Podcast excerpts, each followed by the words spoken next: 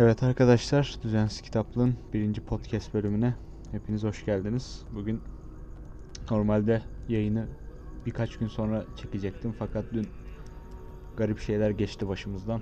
Ben de bugüne aldım birazcık stres atmak adına.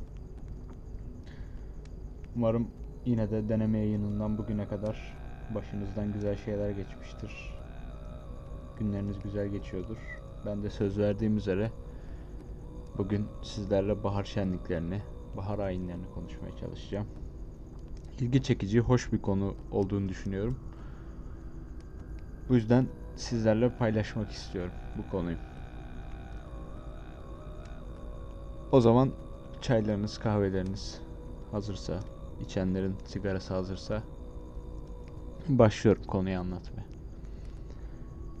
Bahar törenlerinde genel olarak ölüp dirilme konuluğu vardır. Çünkü ölüp dirilmek kışın öldüğünü ve yazın daha doğrusu baharın dirildiğini temsil eder. Zaten oyunların çoğu temsile dayalıdır.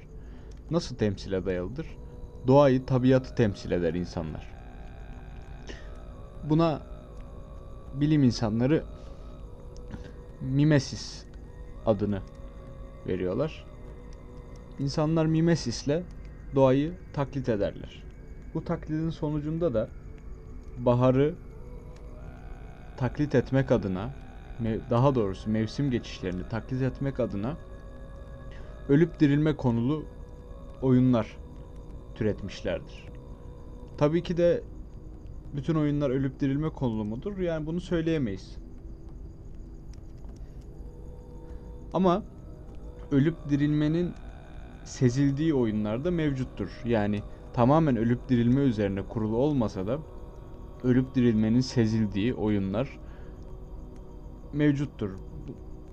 Oyunları sıralayacak olursak yani genel olarak Anadolu'da oynanan oyunları sıra daha doğrusu oyunları demeyelim de Anadolu'da gerçekleşen özel günleri, bayramları, törenleri sıralayacak olursak bunların Yeni Yıl, Koç Katımı, Saya Gezme, Betlem, Çiğdem Bayramı gibi birçok oyun Anadolu'da mevcut. Fakat biz hazırda bahar gelmişken evlerimize kapanmışken birazcık baharı anımsamak adına bahar konulu oyunları işlemeye çalışacağız. Bahar kolunu oyunlar daha doğrusu bahar konulu oyunların ölüp dirilme konulu ola, içinde ölüp dirilme konulu olan bahar konulu bahar temalı konuşamadım. Bahar temalı oyunlardan biri saya gezme oyunu. Saya gezme oyunu Koç Katımı bayramından 100 gün sonra yapılıyor. Koç Katımı ne demek? Şu Koç Katımı koçların ku, kuzulara yani pardon yani koyunlara katıldığı bir bayram. Yani şöyle dişi koyunlar bir alanda bekletiliyor ve bunların arasına koçlar katılıyor. Adından anlaşılacağı üzere. Ve koç katıldıktan sonra belirli ritüeller gerçekleştiriliyor ve bu bayram bitiyor. Ondan sonra saya gezme. Bundan tam 100 gün sonra saya gezme oyunu yapılıyor. Bu saya gezme oyununda da kuzuların doğacağı nın sevinci yaşanıyor diyebiliriz. Bu saya gezme oyununda tabii ki de bazı ritüeller var. Şimdi sizlere ölüp dirilme konuluğu çerçevesinde bu ritüellerden birini dinletmeye istiyorum. Bir çok kısa bir bölüm. Saya gezme oyunundan bir ritüel dinleyeceğiz.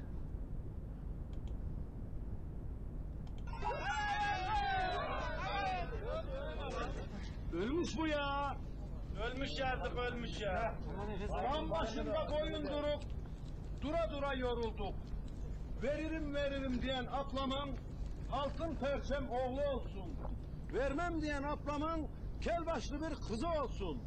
Saya oyuncularından biri çanlar takarak ilginç bir kılığa bürünür. Çanları taşıyan oyuncunun ölmesi ve müzikle dirilmesi kışın ölümünü ve baharın gelişini anlatır. Şimdi dinlediğimiz bu oyunda yani saya gezme Karaman'da kaydedilen bir saya gezme oyunu. Bu oyunda birisi ilk önce ölüyor ve dinlediğiniz üzere bir mani okunuyor. Bu maniden sonra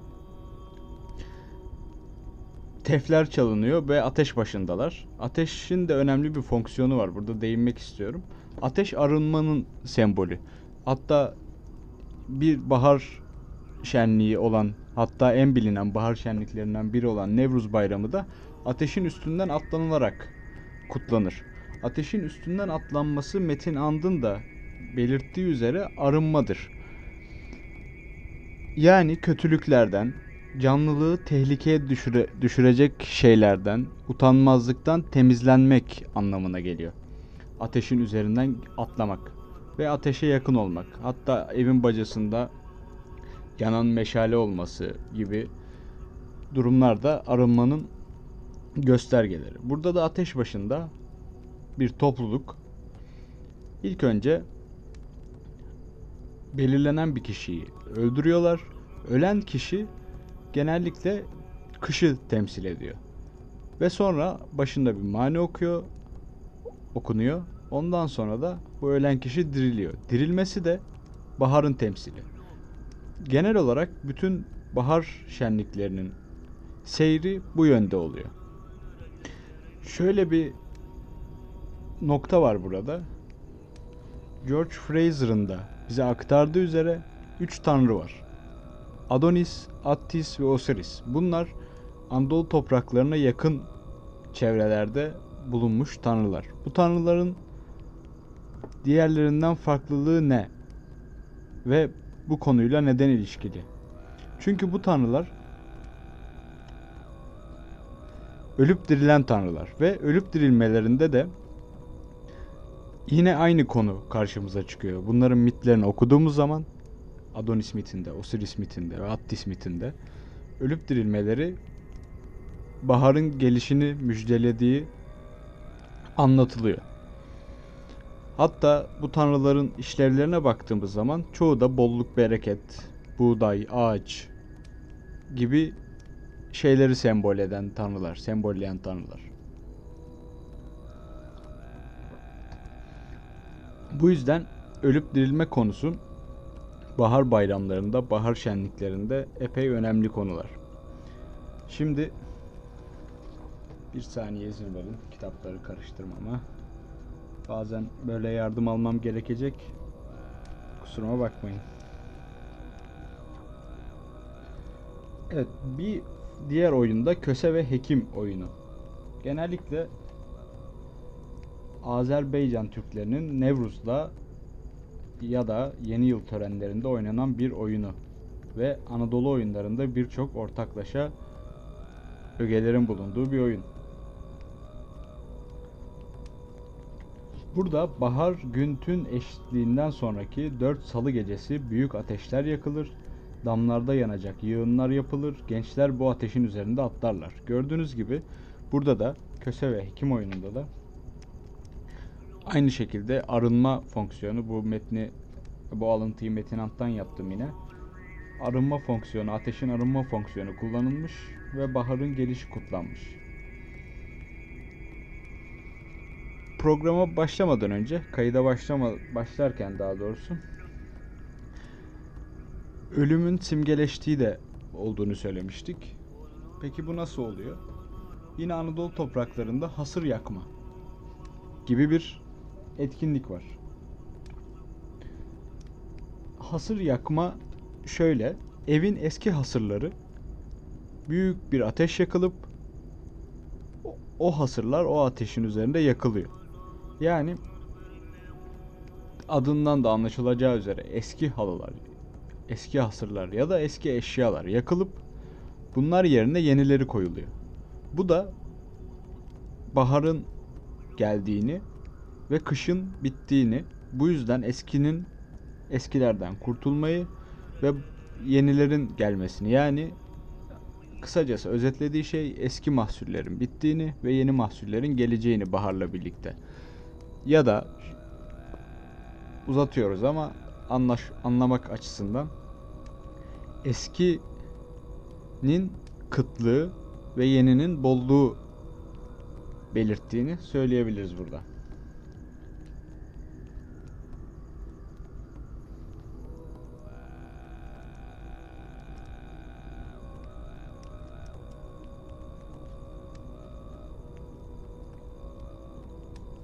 Burada tekrar Fraser'ın aktardığına göre kral tabusu daha etkili. Çünkü sonuçta insanlar yaşadıkları tabiatı içinde yaşadıkları tabiatı adlandırmaya ve kendilerini de bu tabiatın içinde hissetmeye çalış çalışıyorlar. İlkel insanlar daha doğrusu. Ve belli başlı tabular yaratıyorlar kendilerini bu çerçevede. Kral da bu tabulardan birisi. Ve baharın gelişi üzerine eski Mısır mitlerinde ya da dünyanın farklı topluluklarındaki mitlerde bunları görüyoruz. Dediğimiz gibi Attis, o Adonis ve Osiris mitlerinde karşımıza çıkan bu durum krallara da yansıtılıyor. Şöyle Osiris'in ölüp dirileceğine inanan, ölüp dirildiğine inanan halk kralın da Osiris'le aynı kaderi yaşamasını istiyor ve kralı öldürüp bu öldürülen kralın da dirileceğine inanıyorlar. Evet ilginç bir adet fakat bu dünyanın hemen hemen her bölgesinde hakim bir adet. Öldürülmese bile sopa vuruluyor sırtına ya da yalancı bir kral seçilip o öldürülüyor kralın yerine. Kralın ruhunun taşıdığı düşünülen kralın ruhunu taşıdığı düşünülen biri çıkıp öldürülüyor ve yeniden dirileceği sanılarak bir köşede bırakılıyor. Gördüğümüz gibi ölüp dirilme konuluğu bu yüzden sadece baharda değil genel olarak sosyal yaşamda da epey etkili. Fakat dediğimiz gibi bunların ataları Attis, Adonis ve Osiris olduğu için genellikle bahar konulu adetler oluyor bunlar. Törenler de genellikle söz değil eylem daha ön planda. Yani dediğimiz gibi taklide dayalı bir sistem olduğu için eylem daha ön planda. Ne gibi eylemler bunlar? Daha demin de anlattığımız gibi. Ölüp dirilmek, daha çok pandomime benzer hareketlerde bulunmak ve bir şeyleri taklit etmek. Bu yalnızca bahar konularında, bahar konulu şenliklerde değil, genel olarak sosyal hayatın yani ilkel insanın sosyal hayatının her alanında var. Ava giderken, evlenirken, hatta doğururken, kadın doğururken ilginç adetler mevcut. Hatta bir örnekle bunu destekleyelim. Sizi yeniden bekletiyorum. Çünkü dediğim gibi kitapları karıştırmam gerekiyor.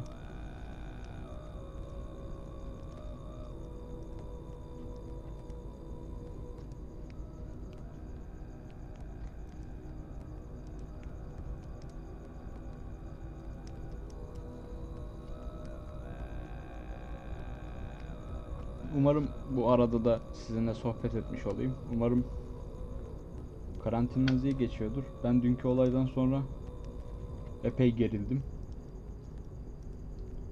Yani insanları dışarı bu şekilde koşturmak pek mantıklı gelmedi bana nedense. Yani umarım bu hastalık vaka sayısı 2'ye 3'e katlanmaz. Kötü şeyler yaşamayız ve bu bir an önce biter. Bu durum. Yani bitmesini umuyoruz. Ya yani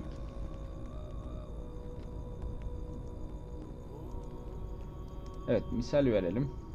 Bu eyleme dayalı sos dedik ya sosyal alanda da eylem gayet ön planda olan bir durumdu. Sözden ziyade. Pertev Naili Boratav'ın Boratav Hoca'nın 100 soruda Türk folkloru kitabından yararlanarak size bir örnek vereyim. Kolay doğum yapmış bir kadının avucundan su içme. Misal. Gürültü yapmak, silah atmak gibi hareketler, anaya ve doğacak çocuğa kötülüğü dokunabilecek olağanüstü zararlı varlıkları kaçırma amacını güder. Mesela. Hatta burada ilginç bir inanış da var. Onu bulmaya çalışıyorum şu an.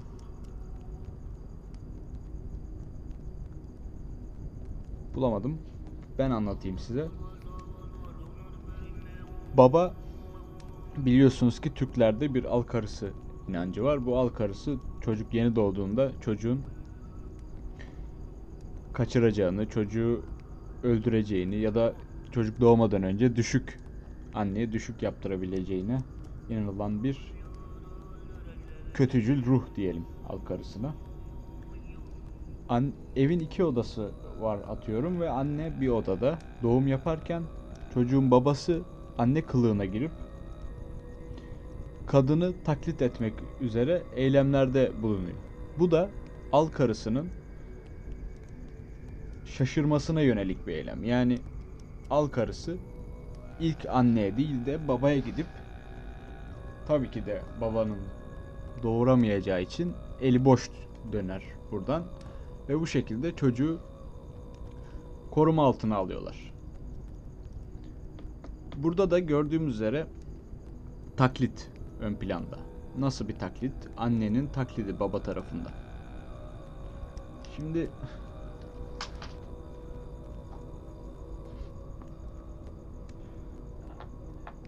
Metin Ant doğanın ölümünü ve yeniden dirilişini ikiye ayırıyor. Kenosis ve Plerosis. Bunların adları biri boşalma, biri doldurma. Kenosis yaşamın, diriliğin sonu. Plerosis de yeni dönem kuraklığa karşı yalancı savaş, yağmur için büyü gibi eylemleri barındırıyor. Kenosis de yani yaşamın ve dirliğin sonunda burada taklitlerinden bahsettiğimiz yaşamın ve dirliğin sonunda bir takım inançlar var. Bu inançlar bizim kültürümüzde de mevcut. Misal oruç tutmak gibi. Oruç tutmak kendine eziyet vererek yaşamın ve dirliğin sonunun geldiğinin bir belirtisi olarak yapılıyor.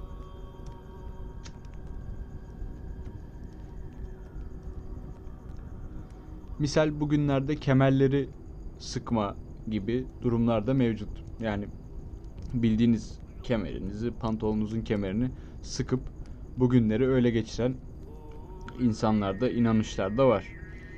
Yeni dönemde de elbette Türk filmlerinden, Yeşilçam filmlerinden, işte kitaplardan, şuradan buradan gördüğümüz kadarıyla belki ben hiç karşılaşmadım. Belki siz karşılaşmışsınızdır ama karşılaşmak isterdim böyle bir ana tanık olmak isterdim.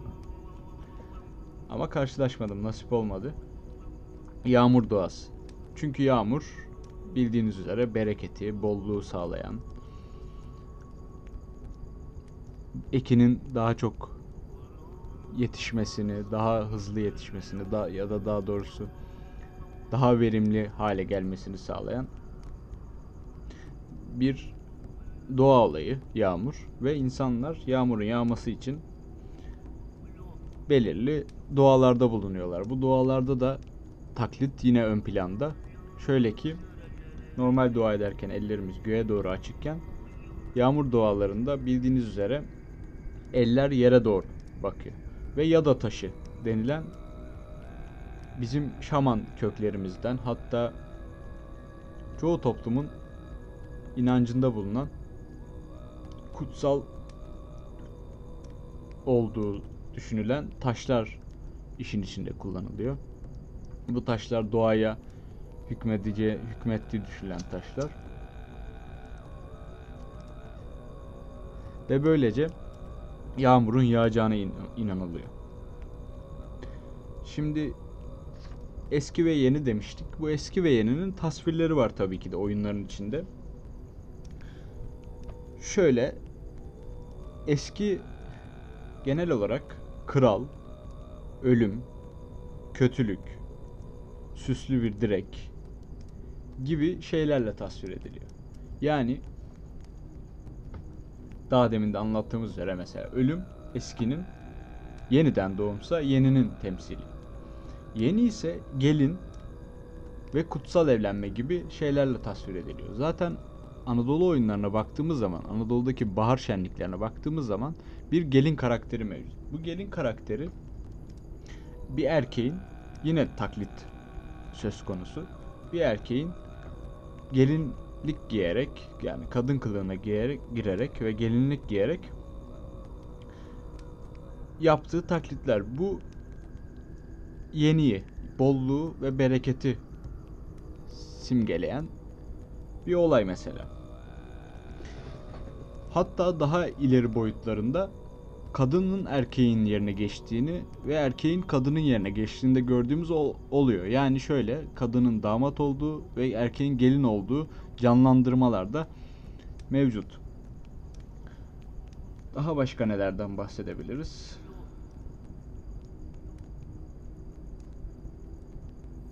Evet.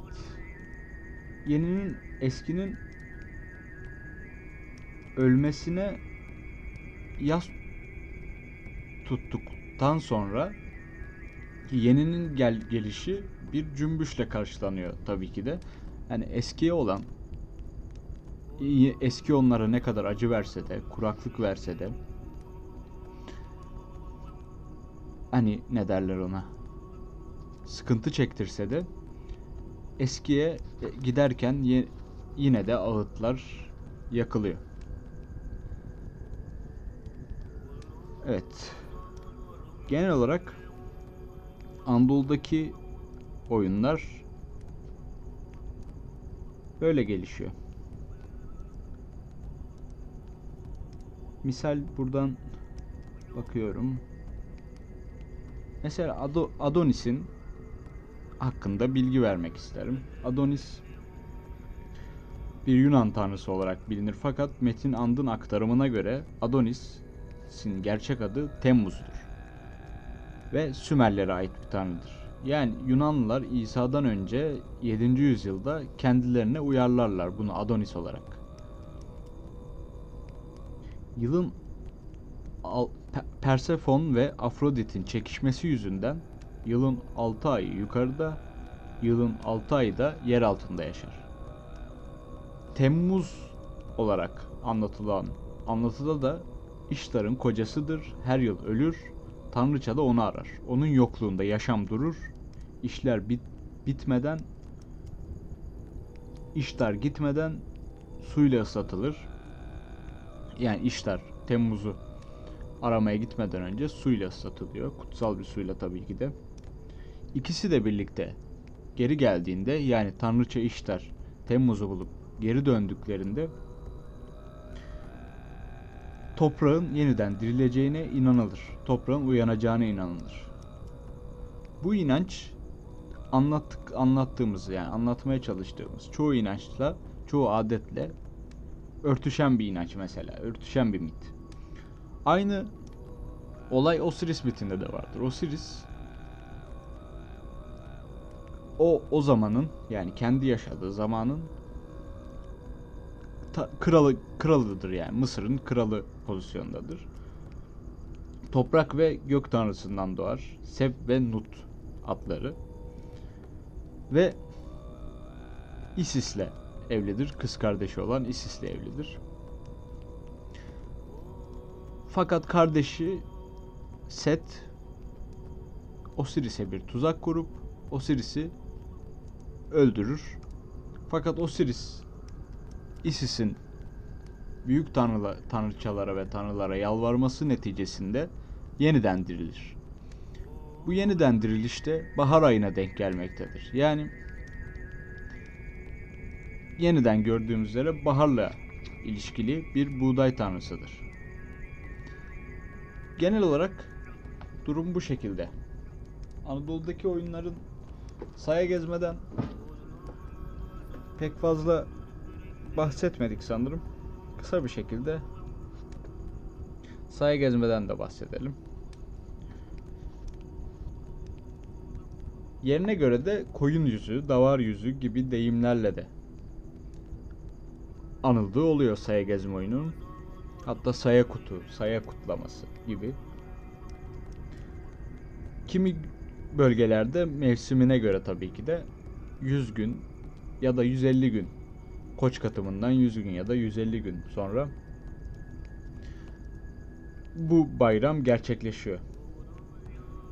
Bunun bu bayramın nasıl gerçekleştiğine, bu gösterilerin nasıl işlediğine dair birkaç bilgi verelim. Pertevnaili Borotav'dan yine. Çobanlarla çobanlarla onlara katılan çocuklar ve delikanlılar türlü garip kıyafetler giyerler. Kapı kapı gezerek ve sayacı sözleri adı verilen tekerleme, tekerlememsi türküleri çağırarak yiyecek bahşiş toparlarlar. Kimi yerlerde bu gezme sırasında basit senaryolu bir oyun da çıkarılır. Oyunun iki önemli kişisi Arap'la ihtiyar dövüşürler. İhtiyar ölmüş gibi yapar, ağzına yiyecekler verilerek diriltir, diriltilir. Evden eve gezmeler sona erince toplanan yiyeceklerle sayıcılar aralarında topluca yemek yerler ve geç vakitlere kadar çalıp çağırırlar, oynarlar, eğlenirler. Gördüğünüz üzere burada da bir Pertevnaili Boratav'ın aktardığın Saya Bayramı'nda da bir oyun mevcut. Bu oyunun bizim için önemli olan tarafı oyunun iki önemli kişisi Arap'la ihtiyar dövüşürler. İhtiyar ölmüş gibi yapar, ağzına yiyecekler verilir ve diriltilir. Burada ihtiyarın ölmesi konusunu zaten uzunca anlattık. Fakat dövüşme konusunda da ayrıyetten bir nokta var. O noktada şu kuraklıkla sahteden, yalandan dövüşme anlatılır. Burada ihtiyar eskiyi temsil eder. Yani kuraklığı, kışı temsil eder. Arapsa yeniyi ve yazı temsil eder. Arapla ihtiyarın dövüşmesi kuraklıkla mücadelenin yani o yıl boyunca, o kış boyunca insanların kuraklıkla çektiği sıkıntıyla mücadelesinin bir temsilidir. Yani Anadolu oyunları hemen hemen bu kadar. Ya, tabii ki de bu kadar değil ama bahar konulu oyunlar genel olarak bunlara dayanmakta. Umarım doğru düzgün bir şekilde aktarabilmişimdir. Elbette bundan çok daha fazlası var. Bu yüzden bunun hakkında kitaplar okumak eğlenceli bir konu dediğim gibi. Hoş bir konu. Mesela saya gezmesinin kurt dolaştırma, çan sallama, duvar özü, davar özü, töre devşirme gibi adları da mevcut. Dediğim gibi. Bir saya gezmesi de okunan daha demin bahsettiğim tekerlememsi şeyden bir parça okuyayım mesela. Saya saya 8 aya, koç katarlar 9 aya gibi manilerle kimi zaman ev ev, kimi zamansa oba oba dolaştıkları olmuştur sayacıların. İşte bu kadar. Umarım hoşunuza gider. Umarım beğenirsiniz. Daha başka şeylerden bahsedecek olursak malum karantina. Her zamanki gibi sinirlerimiz dünkü olaylardan sonra bozulsa da yine de iyi düşünmek gerekiyor. Dünyanın her tarafından aşı bulunuyor. Yani aşının çalışmalarının yapıldığını, Türkiye'de de büyük bir ilerleme var sanırım aşı çalışmalarında.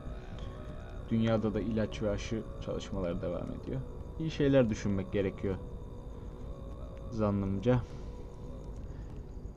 Elbette bu halka bir şekilde yansıyacak. Belki 50 sene sonra bir gün biri çıkıp bizim bugünkü reflekslerimizi virüse karşı refleks verdiğimiz refleksleri incelemeye kalkacak. Bunları düşünmek ilginç geliyor insana. Çünkü yani bu tarz olayların genel olarak hani dünya tarihindeki yerine de bakacak olursak hafife alınmayacak olaylar olduğunu düşünüyorum. Elbette tarihçilerin, edebiyatçıların, folklorcuların, antropologların inceleyeceği bir dönem yaşıyoruz. O yüzden kendimizi şanslı hissedebiliriz belki de. Tabi komplo teorileri her ye- her zaman olduğu gibi, her konuda olduğu gibi burada da mevcut. İlginç ilginç şeyler okuyorum. Gerçekten aklımızın, hayalimizin alamayacağı şeyler okuyorum. Eminim siz de bunları görüyorsunuzdur. Ya insan gülesi geliyor ama acınacak durumlar bunlar. Ama gülüyorum ben genel olarak. yani gülmekten çekinmiyorum böyle olaylara. Dediğim gibi pek de önemli değil. Ha şimdi aklıma geldi. Mesela bu ölüp dirilme konusu benim pek sevdiğim hatta YouTube'da da kendisi hakkında uzun uzun konuştuğumuz Melih Cevdet'te de bir yansıması var. Hepinizin bildiği Teknenin Ölümü şiirinde Söyle ölüp dirilen Tanrı Temmuz diye bir dize var. Mesela burada daha demin anlattığımız Temmuz'dan bahsediyor. Bunlar aslında her alan için önemli konular. Çünkü misal vereyim Melih Cevdet'in bu şiirini incelemeye çalışacak olan bir çalışan edebiyatçı elbette Temmuz'a gitmesi gerekiyor ve oradaki imgeyi çözebilmek için Temmuz'un vasıflarını, Tanrıcı Temmuz'un bir diğer deyişle Adonis'in vasıflarını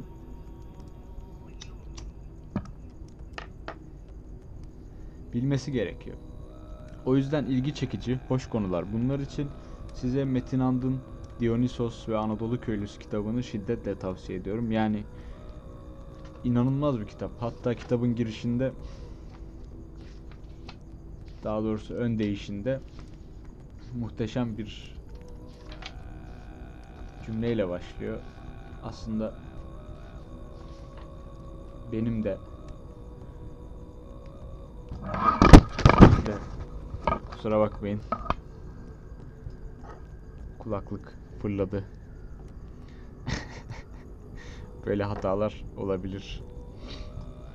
İşin kötü tarafı bu kullandığım uygulamada kesip biçmeye yarayan bir şey yok ama pek de kesip biçmeye ihtiyaç duymuyorum. Çünkü samimi olsun istiyorum. Takılmalarımla, yanlış söylemlerimle işte ne bileyim uzun uzun susmalarımla falan bir yayın olsun istiyorum. Takıl yani böyle daha samimi geliyor bana. Çünkü normalde de bu konuları konuşurken böyle davranıyorum. Çok akıcı konuşamıyorum maalesef. Metin Ant şöyle başlıyor kitaba. Atatürk'ten beri bilinçli bir Anadolu sevgisi uyandı diye. Evet bu, bu çok önemli. Çünkü yani kötülemek gibi olmasın tukaka demeyelim fakat Osmanlı'nın belli bir döneminde Anadolu'nun halk edebiyatına, Anadolu'nun halk verimlerine karşı deli saçması, işte şeytan işi, ya bu da edebiyat mı gibisinden bunlar düğünlerde falan anca söyledikleri zırvalıklar gibisinden bakıldı. Edebiyatçılar tarafından, yöneticiler tarafından. Fakat Namık Kemal'lerle birlikte yanlış bir aydınlanmanın sonucu olarak halk tanın, tanındı, halkın farkına varıldı. Fakat yanlış farkına varıldı. Bunu da kötülemek için söylemiyorum. Fakat bu benim düşüncem. Namık Kemal'lerin halkı yanlış tanıdığı düşüncesindeyim. Fakat yaptıkları şey önemli mi? Önemli elbette. Çünkü halkı tanımak bile en azından bir adımdı o dönem için. Ondan sonra Cumhuriyet'le birlikte bildiğiniz üzere köy enstitüleri hareketleri, Anadolu'ya karşı Türk aydınında büyük bir sevgi uyandırdı. Tabi bazı aydınlar yine de Anadolu'yu sevmese de, Anadolu'ya yanaşmasa da Cumhuriyet'in 1923'ten 1950'lere kadarki süreçte yani 45-50'lere kadarki süreçte Anadolu aydınımızın Anadolu'ya karşı gerçekten büyük bir sempatisi oluştu. Ve o dönemde elimize geçen verileri ve o dönemi çalışanları, o dönemde çalışanları düşündüğümüzde yani inanılmaz şeyler. Hayıflandığımız en azından folklor konusunda Avrupa'dan gerideyiz diye hayıflanırken birden onlarla aynı seviyeye çıktık. Bunu sağlayan Metin Ant olsun, Pertev Naili Boratav olsun, Hilmi Ziya Ülken olsun, Tahir Alango olsun, Şükrü Elçin olsun, Sedat Veys Örnek olsun çok büyük işlere imza attılar ve bize Anadolu'yu gerçekten samimi bir şekilde, dürüst bir şekilde tanıtmaya çalıştılar ve biz artık bugün onlardan arta kalan bilgiyle çalışmalar yapmaya çalışıyoruz. Fakat şöyle bir durum var. Onların o gün incelediği şeyler bugün tükenmiş durumda.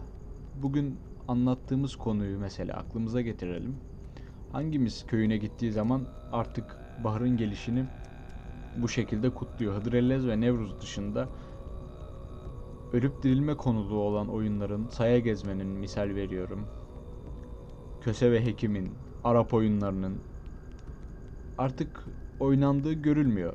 Bunun ötesinde Karagöz oyunu, Meddahlar tamamen artık işin ticari haline dönüşmüş durumda. Yani Ramazan gecelerinde şehir meydanlarında ağzına mikrofon dayayıp Karagöz oynatan adamların yani bir hayali ustası bir hayali yani bir Karagöz ustası bir hayali kadar